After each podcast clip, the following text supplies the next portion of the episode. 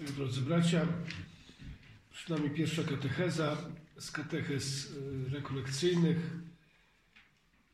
Tytuł roboczy tych rekolekcji Wierzyć jak Piotr. Tak jak powiedziałem, na Piotrze będzie zbudowany Kościół. Jako wierzący zostaliśmy włączeni w Kościół. Tam, gdzie Piotr, tam, gdzie tam Kościół, tak mówi, mówiono w wiekach pierwszych. Jeżeli Piotr coś powiedział, to to było definitywne, to było wiążące dla całego Kościoła. Dlatego mamy tę świadomość, że odkrywanie własnych korzeni, korzeni wiary ma nas również y, właśnie jeszcze bardziej umocowywać w Kościoła i właśnie coraz bardziej, żebyśmy stawali także po stronie Piotra, Piotra naszych czasów. I żebyśmy widzieli ten ciąg Piotrowy, także tego zaufania Bożego, które Bóg składa w nasze ręce, bo właśnie chce, byśmy byli prowadzeni przez Piotra. Zanim zaczniemy w ogóle temat dzisiejszy, czy w ogóle zanim zaczniemy tę rekolekcję, najpierw trzeba właśnie zobaczyć pewien ogląd pewnej rzeczywistości, w której dochodzimy do spotkania z Piotrem. Czyli zobaczyć właśnie jakiś taki kontekst działania. Słowo Boże zawsze działa w jakimś kontekście. Z tej racji, że Bóg przychodzi w ludzkim ciele, także w konkretnym kontekście, w kontekście historycznym, dziejowym, kulturowym, tak, narodu danego. Możemy oczywiście zawsze zastanawiać, dlaczego akurat ten naród, dlaczego akurat ten czas, dlaczego akurat taka okoliczność. To zostawiamy Bożej miłości. Dlatego też nigdy nie wiemy, dlaczego akurat żeśmy się w tym czasie narodzili, dlaczego akurat w narodzie polskim, dlaczego akurat właśnie jako mężczyźni, dlaczego nasze życie toczy się tak, jak się toczy. Na wiele rzeczy w tym życiu nie mamy wpływu. Więc trzeba tu zobaczyć, że pewne rzeczy dzieją się, można powiedzieć, nie z naszej woli. Też jesteśmy wpisani w pewien kontekst Bożej miłości. Pan Bóg przychodzi właśnie konkretnie w ten kontekst, w konkretną daną sytuację. Nie ma jakiejś sytuacji takiej samej. Tak samo nie ma życia takiego samego. I żeby mieć tu świadomość tego, że w moim życiu także Pan Bóg działa. W moim życiu także Pan Bóg przychodzi. Także chce wejść w moje życie. W takim kontekście, w jakim ono się dzieje, tak jak było to z Piotrem. Przypomnę, Żydzi w tym czasie, cała Palestyna jest pod panowaniem Rzymu. Zatem to jest kolejna okupacja. Jak zerkniemy do historii biblijnej, to wiemy, że tak naprawdę z okupacji greckiej Żydzi weszli od razu w okupację rzymską. Można było powiedzieć, zmienił się po prostu okupant. Niewiele Żydzi mieli tej radości wcześniej, dlatego że po rozpadzie Królestwa Dawidowego, po jego synie Salomonie, na Królestwo Północne, Królestwo Południowe, najpierw zdobyte Królestwo Północne przez Asyrię, później Południowe przez Babilonię, niewola babilońska. I dosłownie chwila przerwy, jakiegoś takiego oddechu, powrót y, już za czasów perskich do ziemi obiecanej, do ziemi świętej, odbudowa świątyni. I można powiedzieć, że zaraz za 200 lat jest już okupacja grecka. Zatem czas niewoli, czas, można powiedzieć, okupacji. Mamy świadomość także, że w tym czasie, kiedy Jezus występuje już publicznie, nie brakuje też takich różnych powstań antyrzymskich. Naród, można było powiedzieć, przypomina jakby taką kipiącą lawę, która gdzieś z zewnątrz jeszcze jak wulkan jeszcze nie widać, ale wewnątrz już wszystko gotuje. Po prostu chcą wolności, chcą być u siebie. Tak, wszystko cokolwiek jest związane z Rzymem, to jest właśnie związane z okupacją. Być może inaczej na to patrzą Judejczycy, Ci byli zawsze tacy, można było powiedzieć, bardziej tacy prawowierni, a inaczej Galilejczycy, bo powołanie apostołów Piotra, Piotra, Szymona Piotra, jego brata Andrzeja, Jakuba Jana, dzieje się w Galilei. To jest bardzo ważne, bo do tej Galilei wrócimy na koniec.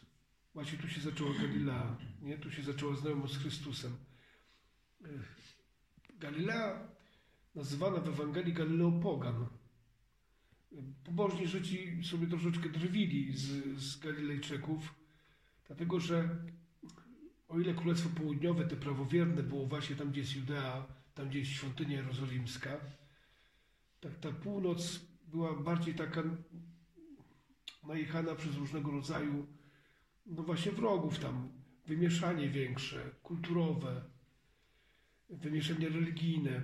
I ci Galilejczycy byli takimi ludźmi, z jednej strony takimi otwartymi, nie takimi ciasnymi, zamkniętymi, można było powiedzieć takim betonem religijnym, tylko oni z kolei też byli takimi ludźmi, którzy no więcej widzieli, więcej, prawda, doświadczyli obecności innych ludów, także ludów pogańskich. Pewnie, że to wszystko ma zawsze plusy i minusy, żeby było jasne. Ale to byli ludzie, którzy moglibyśmy powiedzieć, nie z jednego pieca chleb jedli. Ludzie, którzy byli też otwarci, z otwartym umysłem. Nie jacyś tacy schematyczni. Tak? Może nie do końca byli już, można powiedzieć tak, właśnie prawowierni we wszystkim, ale widzieli też jakieś dobro w innych ludziach. Znaczy właśnie w innych kulturach. Zresztą Betsaida, skąd pochodzi Piotr, yy, zresztą jego, jego brat Andrzej, Szymon, Symeon, Simon, niektórzy teologowie bibliści twierdzą, że to też nie jest zwykłe odejście od Symeon, pochodzenie od Symeon, czy raczej właśnie Simon, greckie imiona. Właśnie w Betsaidzie było mnóstwo wpływów greckich, wpływów pogańskich. To właśnie byli ludzie o otwartym umyśle, ale ludzie, którzy ciągle czegoś szukali. Ludzie, którzy się nie zadowalali tylko tym, co mają, tylko coś więcej, chcieli coś więcej. No i właśnie ta Galilea, Galilea Pogan, daleko do Jerozolimy, do miejsca świętego, a jednocześnie Galilea, która jest też bardzo, można było powiedzieć, żyznym terenem. Takim, można było powiedzieć, radosnym. Jak ktoś był w Ziemi Świętej, to też ma świadomość tego, że Judea to jest bardziej taka, można było powiedzieć, bardziej pustynna, bardziej taka, no właśnie taka, jak to powiedzieć takie słowo, twarda, o tak bym powiedział. Tymczasem Galilea to jest właśnie dużo pagórków, dużo pól. Wiemy, że tych wszystkich y, z opowieści Jezusa, przypowieści o roli, o pasieniu owiec, więc tam jest dużo pastwisk. Można powiedzieć kraj, można powiedzieć mlekiem miodem płynący, tak można było powiedzieć, nie? Teraz jakim jest człowiekiem Piotr? Szymon, jeszcze nie Piotr, Szymon. Szymon jest rybakiem. Jak mówił ksiądz Chrostowski, biblista, profesor, to była taka klasa średnia. Nie byli to ludzie najbogatsi, ale to nie była też biedota. To był człowiek, który bardzo dobrze, jak na tamte czasy, bardzo dobrze prosperował. Zatem miał współpracowników. W innych momentach Ewangelii widzimy właśnie, że skinęli na współpracowników, więc być może była jakiś, e, jakaś spółka. Ludzie, którzy łowili ryby, mieli swoje łodzi, mieli swoje sieci. Ryby, jak mówią znawcy tematu, wcale też, tak jak i dzisiaj, do tanich nie należały. Były też przysmakiem, ale też nie były takie e, tanie. Więc rzeczywiście taka praca rybaka pozwalała żyć godnie. Żyć godnie. Zatem y, Piotr nie jest w ogóle kimś, kto komu czegoś brakowało, jeżeli chodzi o stronę takiej bytowej. To nie był jakiś biedak, to nie był jakiś człowiek, który był nieporadny, człowiek, który był gdzieś na marginesie. Można powiedzieć młody człowiek, człowiek, który ma przed sobą jeszcze całe życie, energiczny, pomysłowy, z otwartym umysłem, skoro Galilejczyk. Tak? Człowiek, który zna się konkretnie na robocie, którą robi, może być fachowcem w tej dziedzinie, przedsiębiorczy. Człowiek, który może mu powiedzieć, stoi twardo na ziemi. Wreszcie w tym człowieku, który stoi twardo na ziemi, jest potrzeba czegoś więcej. No właśnie ta otwartość Galilejczyków, czegoś więcej. Czegoś więcej niż tylko tej pracy, czegoś więcej niż tylko spełniania się zawodowego. Bo to, co jest ciekawe, to kiedy spotkali Jezusa, kiedy Jezus ich spotkał, tak trzeba powiedzieć, to po słowach Jezusa jest powiedziane, że Piotr i Andrzej natychmiast zostawili sieci i poszli. Poszli za nim. To jest ciekawa rzecz, natychmiast. Zawsze mnie zastanawiało właśnie w kontekście powołania, tak, że to było z Mateuszem, celnikiem, że to było zawsze natychmiast. Że to nie było na zasadzie takiej, oj, no może pójdę, że jakoś tam myśl musiała dojrzewać. Wiemy też, mamy tu świadomość też tego, że ta decyzja Piotra była podjęta natychmiast. Może w przypływie jakichś emocji, może w przypływie jakieś powiedzmy zafascynowania Jezusem. Był pod tej y, osoby, tak? Wiemy, że ta decyzja później cały czas dojrzewała, była potwierdzana. Ale to, co właśnie mnie zawsze zastanawiało, to natychmiast. Natychmiast poszedł za nim. I to może właśnie y, czasami to, co nas gubi, to jest takie może za duże takie mędrkowanie. A może tak, a może tak, a może z tej strony, a może z tamtej strony. Pewnie, że po to Pan Bóg dał głowę, dał rozum, natomiast może czasami nie dzieje się nic dobrego w naszym życiu od strony duchowej, ponieważ ciągle deliberujemy, ciągle rozważamy. Słowo Boże jest bardzo konkretne, jest bardzo jasne. I kiedy Jezus mówi do człowieka, mówi też bardzo jasno, konkretnie. I teraz pytanie, no kiedy? No kiedy za nim pójdę? Czy to mi się będzie opłacać? No Piotr może powiedzieć w pewnym sensie nic nie ryzykował. Więc mówi, pójdź za mną. A sprawię, że staniecie się robakami ludzi. No nawet gdyby poszedł, by się okazało, że źle trafienie, wraca dalej, ma robotę. Ale ciekawa rzecz, że kiedy Jezus mówi, chodź za mną, pójdź za mną, On czyni to natychmiast. Natychmiast. Natychmiast wysłuchać tego słowa. Nie pozwolić, by to słowo gdzieś padło nie wiadomo gdzie, bo to troszeczkę tak jak jest z tym ziarnem, które jest rzucone właśnie w pole, nie? W pole to ono zaczyna już swoje robić, dzie, dzieje, a to pamiętacie to ziarno, które jest rzucone między cierniem. Właśnie nie pozwolić na to, żeby te ciernie zagłuszyły te słowo. Bo wiele trosk, wiele różnego rodzaju zmartwień, wiele różnych kłopotów ciągle będzie w naszym życiu. Jak dzisiaj będą takie, to jutro mogą być inne.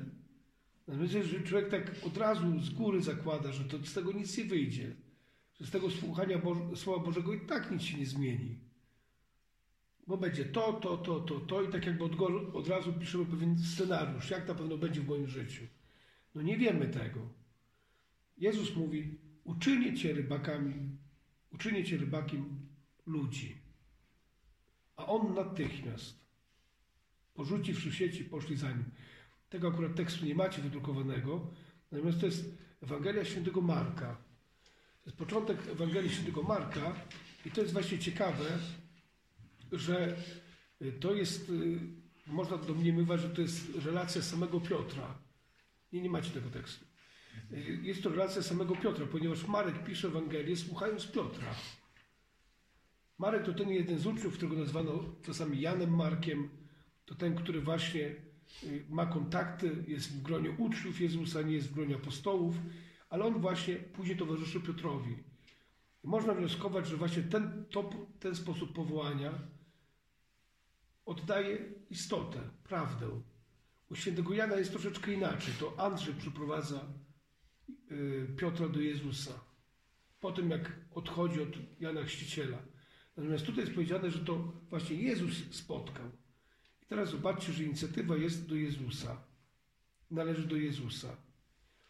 Jezus przechodzi obok mojego życia i mówi do mnie. I mówi do mnie. Wiara się rodzi z tego, co się słucha.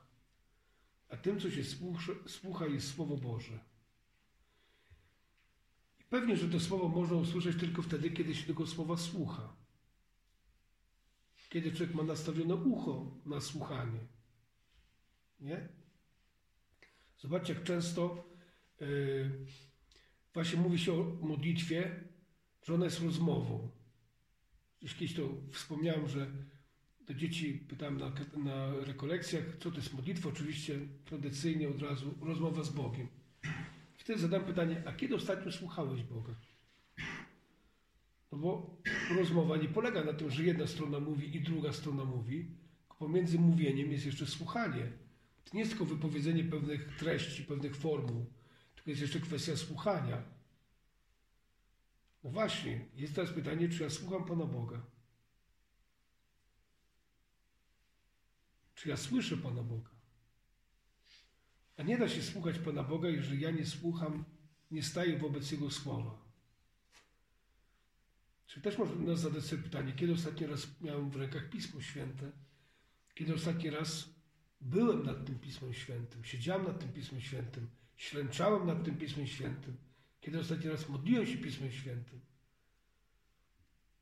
Może warto by było wrócić do tego, że skoro czasami modlitwa staje się, potocznie mówiąc, brzydko klepaniem, to może warto czasami wrócić do tego, żeby teraz słuchać.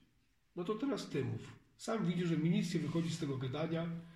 Może ta modlitwa moja jest taka jołowa, to może właśnie dlatego trzeba teraz zacząć słuchać tego, co Pan Bóg mówi. Więc Jezus przychodzi i mówi. Mówi. Myślę, że dopiero po drugiej stronie życia przekonamy się, ile razy Jezus przychodził koło, koło mojej roboty, tak? mojego zaangażowania w ten świat i mówił do mnie. Natomiast ja go nie słyszałem. To jest ciekawa rzecz, że ci rybacy uwijają się przy swojej robocie, jednocześnie słyszą Jezusa. Jednocześnie słyszą Jezusa. Słuchać Pana Boga także wtedy, kiedy jestem w wirze roboty.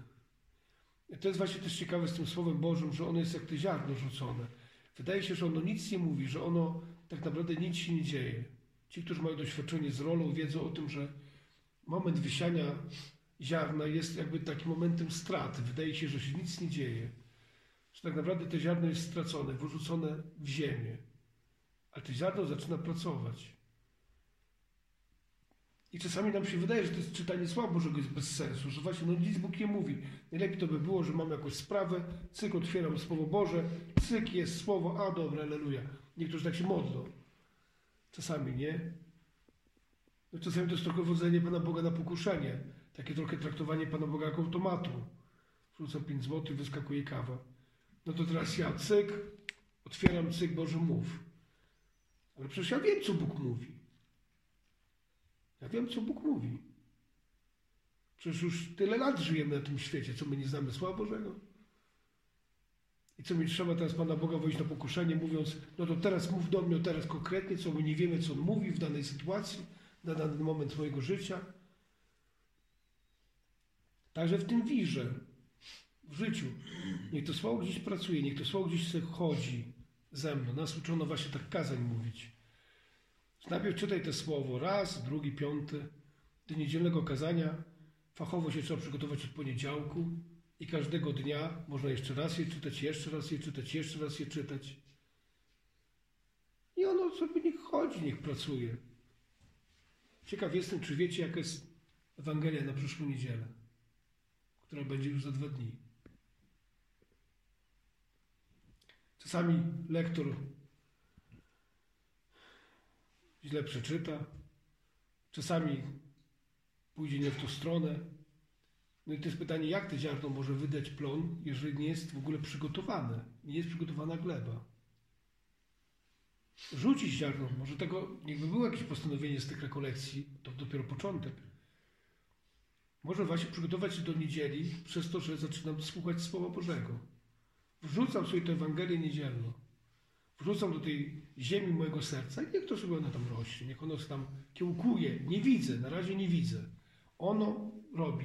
Zobaczysz tak samo jak działają w nas obrazy, działa w nas wyobraźnia, żeśmy się czasami czegoś napatrzyli, czegoś nasłuchali i się wydaje, że już to poszło, że już tego nie ma, że jesteśmy odcięci od tego. A zobaczcie, jak to pracuje w człowieku. I podobnie jest ze Słowem Bożym. Ono zostaje wrzucone i ono tak pracuje. Tak jak mówi Słowo Boże, nikt nie wie jak.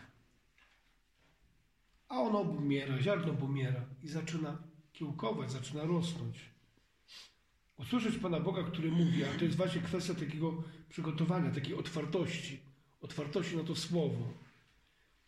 Pewnie, że wśród tych ludzi młodych, a Piotr musiał być młody, Bardzo często widzimy te obrazki ze starym Piotrem, bo Piotr też był moment, że też był stary, no ale nie był całe życie stary. Więc był taki młody i raczej trzeba wnioskować, że musiał być młodszy od Jezusa. No bo raczej, czy stary pójdzie za młodym? Rzadko kiedy. Stary już ma swoje doświadczenia, ma już swoje nawyki i raczej tak idzie się, młodszy idzie za starszym, jeśli wpatrzy. Starszy już ma swoje doświadczenie, ma już pewną swoją koncepcję życia i raczej powie, co mnie ten gówniarz może uczyć, co mnie może nauczyć. No czasami ci młodzi też nas nieźle uczą, nie? Ale raczej szuka się mistrza, czyli kogoś starszego, kogoś, kto ma jakieś większe doświadczenie. I rzeczywiście też tak było. To jest ciekawa rzecz, że tutaj, e, jak to się nazywa, ludzie szukali sobie mistrza, a tu mistrz mówi, chodź. Tu mistrz wybiera, konkretnie wybiera, nie? I teraz właśnie ten wybór, powołanie powiemy, po wołaniu, czyli po słyszeniu, nie? Pójść po wołaniu. Ktoś woła, ktoś słyszy to wołanie i idzie. I idzie. Święty Jan Bosko powiedział to w kontekście e, powołania do kapłaństwa, że co drugi chłopak ma powołanie. Trochę trudno mi w to uwierzyć, bo ten demografia już była bezlitosna wtedy. Natomiast jak to się nazywa? Natomiast z pewnością wielu jest powołanych, ale nie każdy idzie za tym wołaniem, nie każdy idzie za tym głosem. Nie? Bóg powołuje, to Bóg wybiera. I znowu patrzcie, jaka ciekawa rzecz. Jezus mówi: Pójdźcie za mną, a sprawię, że staniecie się robakami ludzi. Mówi to do Piotra i Andrzeja. Ja sprawię. Ja sprawię. To nie wy sprawicie, że będziecie rybakami ludzi. To ja to sprawię. To jest ciekawa rzecz, że w naszej duchowości chrześcijańskiej no właśnie nie można przyłożyć akcentów na doskonałość moralną. Się też tłumaczyłem to w szkole. Złodziej też musi być w pewnym sensie doskonale moralnie. Znaczy, no, musi mieć silną wolę na pewno. Złodziej musi być punktualny. Złodziej musi spędzić dużo czasu na obserwacji, czy musi być cierpliwy. Ale o złodzieju nikt nie powie, że jest cnotliwy. Bo cnota ukierunkowuje na dobro. Nie? Niektórzy robią takie postanowienia na Wielki Post, że cały Wielki Post nie pije alkoholu. Hmm? Mój ojciec potrafi cały Wielki Post nie pić alkoholu. No, zrobi wyjątek oczywiście na świętego, świętego Józefa. Mówi, że wtedy wolno. Ale co się dzieje po świętach? To pewnie nadrobi wszystkie okazje. Są ludzie, którzy mają naprawdę silną wolę. Tylko nie mają dobrej woli. I nie można pomylić chrześcijaństwa, ja to nazywam czasami z dobroludzizmem. Jezus, zobaczcie, że wcale nie mówi do Piotra, że wybieram Cię dlatego, że jesteś doskonały. Że już mi wszystko w Tobie pasuje. Jesteś tak poukładany, Piotrze, ja już od razu widzę, że Ty jesteś głowa. Tak będziemy szli drogami tej rekolekcji, zobaczycie, w wielu momentach to były iskry na, na tej linii Jezus-Piotr. W wielu sytuacjach. Nie? Czyli Jezus mówi, ja sprawię, że staniecie się robakami ludzi. Ja sprawię. Ja to uczynię. Będąc ze mną, staniesz się taki. Mamy to świadomość, że y, zmagamy się z grzechem, który gdzieś burzy naszą, y, naszą, nasze pragnienia dobra. To, co powiedział święty Paweł, że pragnę dobra, marzę o dobro, planuję to dobro. Gdy przychodzi wszystko do, do robienia, jak zwykle, gdzieś to wszystko się kończy tak jak zwykle. Czyli widzimy, że jest w nas jakieś takie osłabienie i teraz to osłabienie zostaje pokonane tylko mocą Pana Boga, nie swoją mocą, nie tym, że my się namodlimy, nie tym, że my teraz się wydoskonalimy, że już mamy po trzecie rekolekcje zaliczone, to już teraz Pan Jezus powie, o, jak już po trzecich, to już naprawdę już dalej nie musisz jeździć. Jezus mówi, to z bycia ze mną to się stanie. Z bycia ze mną. Cóż masz, czego byś nie otrzymał, powie święty Paweł, nie? A to, cośmy otrzymali, to otrzymaliśmy od Pana Boga. Czyli najpierw jest relacja, później zaczyna się zmieniać życie. To, cośmy mówili właśnie, patrzcie, to wiele rzeczy nie jest przypadkowe. To, co mówił ksiądz biskup Dajczak. Wychowaliśmy do sakramentów, do punktów, a nie do relacji. Nie do wiary. A wiara jest relacją. Relacją człowieka i Boga. Więc można wychować do punktów, można wychodzić do sakramentów, a Jezus mówi: Nie, ty się zaczniesz zmieniać, kiedy będziesz ze mną. Ja nie chcę, żebyś był doskonały i nie wybieram cię dlatego, że jesteś doskonały, tylko wybieram cię dlatego, bo chcę i to ja będę w tobie sprawcą zmiany. Czyli tyle będzie we mnie zmiany, tyle we mnie będzie dobra, na ile otworzę się na Pana Boga, na ile Pan Bóg będzie działał w moim życiu, albo inaczej, na ile ja pozwolę Panu Bogu działać w moim życiu. Na ile ja pozwolę, żeby to Jego słowo było pierwszym słowem, to On będzie zmieniał moje życie. On będzie zmieniał moje życie. Ja nie wiem jak, ja nie wiem w jaki sposób. Dlatego On, Piotr pokazuje mi, dobra, zostawiam wszystko, idę. Dobra, zostawiam, skoro tak mówisz, to tak jest. Na Twoje słowo będzie w innym miejscu, zarzucę sieci. Tak, zupełnie inny moment, kiedy jest ten cudowny połów. I znowu Piotr. Doświadczony, wie, że Jezus gada głupoty, bo z punktu widzenia logicznego, wytrawnego rybaka na pewno się wtedy już nie łowiło. Całą noc żeśmy łowili, nic się nie dało, ale on powiedział: Dobra, jeśli ty tak mówisz, to ja tak zrobię. Nie? Dać pierwszeństwo relacji z Jezusem. Dać pierwszeństwo tego, że On staje się kimś ważnym w moim życiu. Nie jest przypinko, nie jest bratkiem przy kożuchu. Jest naprawdę realny w moim życiu. To słowo jest realne w moim życiu. To nie jest tylko dodatek do tego życia. Właśnie na tym polega problem naszego chrześcijaństwa w Polsce i można powiedzieć taka wątłość naszego Kościoła, że my z jednej strony jesteśmy otrzaskani Chrystusem, w pewnym sensie otrzaskani wiarą, obrzędami, ale za tym nic nie idzie. Tak sobie pomyślałem w trakcie mówienia. Patrzcie, prawda, nie dotykam broń Boże nikogo, ale tylko sam chodzi o sens. Matka, która mówi do swojego syna, to co, chcesz być święty? Czy matka może mieć inne marzenia niż syn, żeby był święty? Patrzcie, jak nam bliscy mogą podciąć skrzydła. Jak bliscy mogą spowodować, że nam się odechce. No nie bądź taki święty. To już nie koledzy z pracy. To matka, ojciec. Już nie przesadzaj. Właśnie to było to, ta siła, w cudzysłowie siła tego naszego komunistycznego chrześcijaństwa. Tak? Tak jak o, mówi się o pewnej partii. Zielony na zewnątrz, czerwony wewnątrz. Można było powiedzieć, że ciut podobnie, jak to się nazywa, troszeczkę tak z naszym chrześcijaństwem. Ochrzczone, wybierzmowane i tak dalej, i tak dalej, ale jak tak otworzysz do środka, to się nagle okaże, kurczę, tak jakby nigdy w życiu Chrystusa nie widzieli. Jakby nigdy Go nie słyszeli. Chociaż w pewnym sensie oddychamy chrześcijaństwem od, od dzieciństwa. No bo to jest wybór, to jest decyzja. Ona będzie się wiązała z konkretnymi rzeczami, z konkretnymi postanowieniami, z konkretnym zmianą życia, oczywiście. Tu, co Jezus mówi do Piotra, ja uczynię cię rybakami. Ty jesteś rybakiem, ja nie każę ci zmieniać te roboty. Ja uczynię cię rybakiem ludzi. Ja ci nic nie chcę zabrać.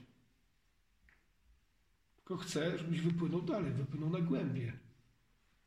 Pójdź za mną, a ja sprawił, że staniesz się rybakiem ludzi. Ja sprawił. Chrystus sprawia.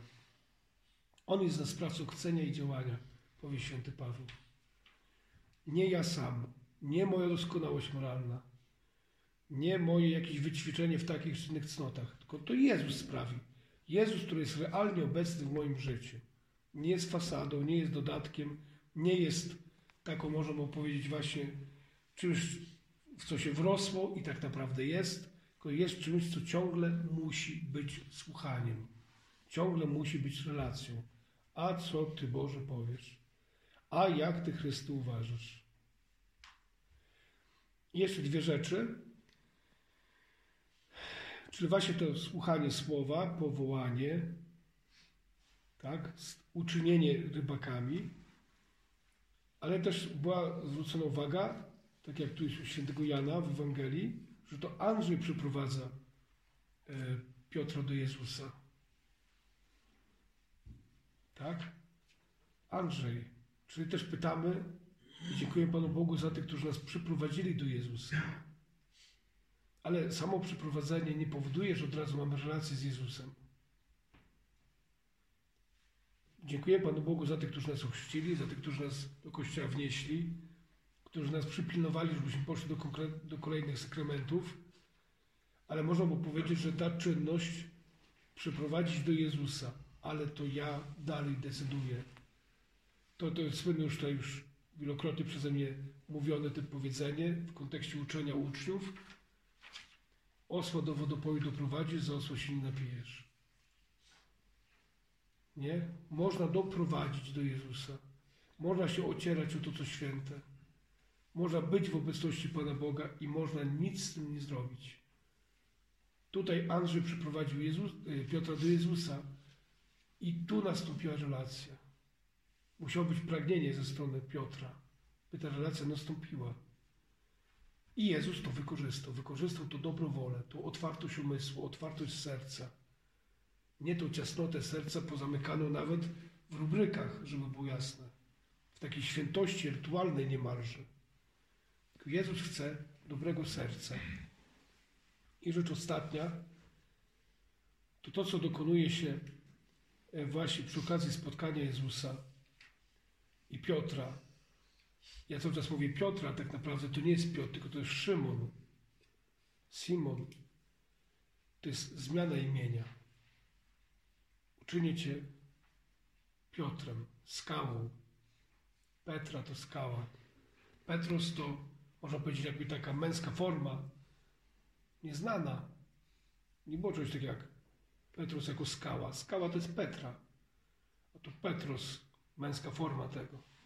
Jezus, można powiedzieć, tworzy imię dla Szymona. Ty będziesz Piotrem, ty będziesz skałą, ty będziesz opoką. Pamiętam o tym, że w historii Izraela Wielokrotnie się zdarzały takie sytuacje. Choćby Abram, Abraham. Uczynię cię ojcem mnóstwa. Będziesz Abraham. Tak? Czy mamy wreszcie u Jakuba? Ty będziesz Izrael, ponieważ walczyłeś z Bogiem. Izrael to ten, który walczy z Bogiem. Izrael do dzisiaj nazwa narodu. Izrael. Wziąłem do Jakuba.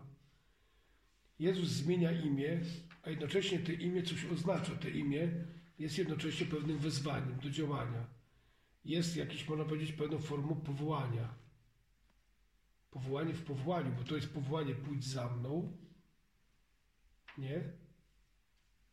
Ale jednocześnie to imię jeszcze mówi Twoje zadanie, które jest.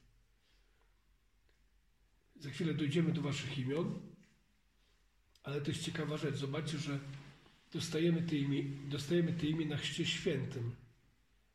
Dostajemy świętego patrona. Oczywiście, że te imię jest wybrane przez rodziców. Czasami różne są sytuacje w tym wyborze imienia, ale nie jest przypadkiem, że to jest imię, które teraz noszą. Nawet towarzyszyły temu wyborowi imienia różne, czasami nawet niekiedy zabawne sytuacje. To jednak Bóg mówi do mnie po imieniu. Nadaje mi imię na chrzcie na chrzcie. Na chrzcie zostaje też, dostaje świętego patrona. To zobaczcie, nawet jako kultura gdzieś odchodzimy od Chrystusa, bardzo popularne są dzisiaj urodziny. Trzeba było pójść raczej już za Chińczykami. Oni ponoć obchodzą yy, urodziny 9 miesięcy przed urodzinami, czyli od poczęcia. Czasami dyskutuję z młodzieżą, no po co świętować urodziny, że co, że przecisnąłem się przez że tak się wyrażę, kanały rodne matki? Że to nie uczyniło mnie człowiekiem, już człowiekiem byłem. A patrzcie, jaka jest to mądrość świętowania imienin. Bóg mówi do mnie po imieniu. Bóg nadaje mi imię. Nie jestem dla Niego masą. Jestem kimś po imieniu i to imię coś oznacza. To imię jest zadaniem. Ale inna jeszcze rzecz, przy chrzcie dostaję dodatkowe jeszcze imię, imię przybranego dziecka Bożego. I to jest już zadanie. To już jest pewne posłanie. Tomasz, jesteś posłany. Mam Ciebie, byś zaniósł Ewangelię tym, którzy cię, mnie nie znają. Dostaję zadanie przy Chrzcie Świętym. Być może już teraz dojrzewamy do tego coraz bardziej, bo także już na bierzmowaniu nie nadaje się nowego imienia, tak jak było za moich czasów, czy pewnie za waszych, ale właśnie wybieram na nowo swoje imię ze chrztu. Odkrywam na nowo swojego patrona, swoje miejsce w kościele, swoje zadania w kościele, ale jest to wynikające wszystko ze chrztu. Jestem powołany, jestem wezwany po imieniu i posłany przez Chrystusa do przodu, do tych, którzy Go nie znają. No dobrze. Parę takich myśli, parę takich garści, słów, a teraz może przejdźmy do tego, jak to jest z waszymi imionami. Co to imię oznacza? Co Bóg chce wam powiedzieć poprzez te imię? Nie jest ono przypadkiem.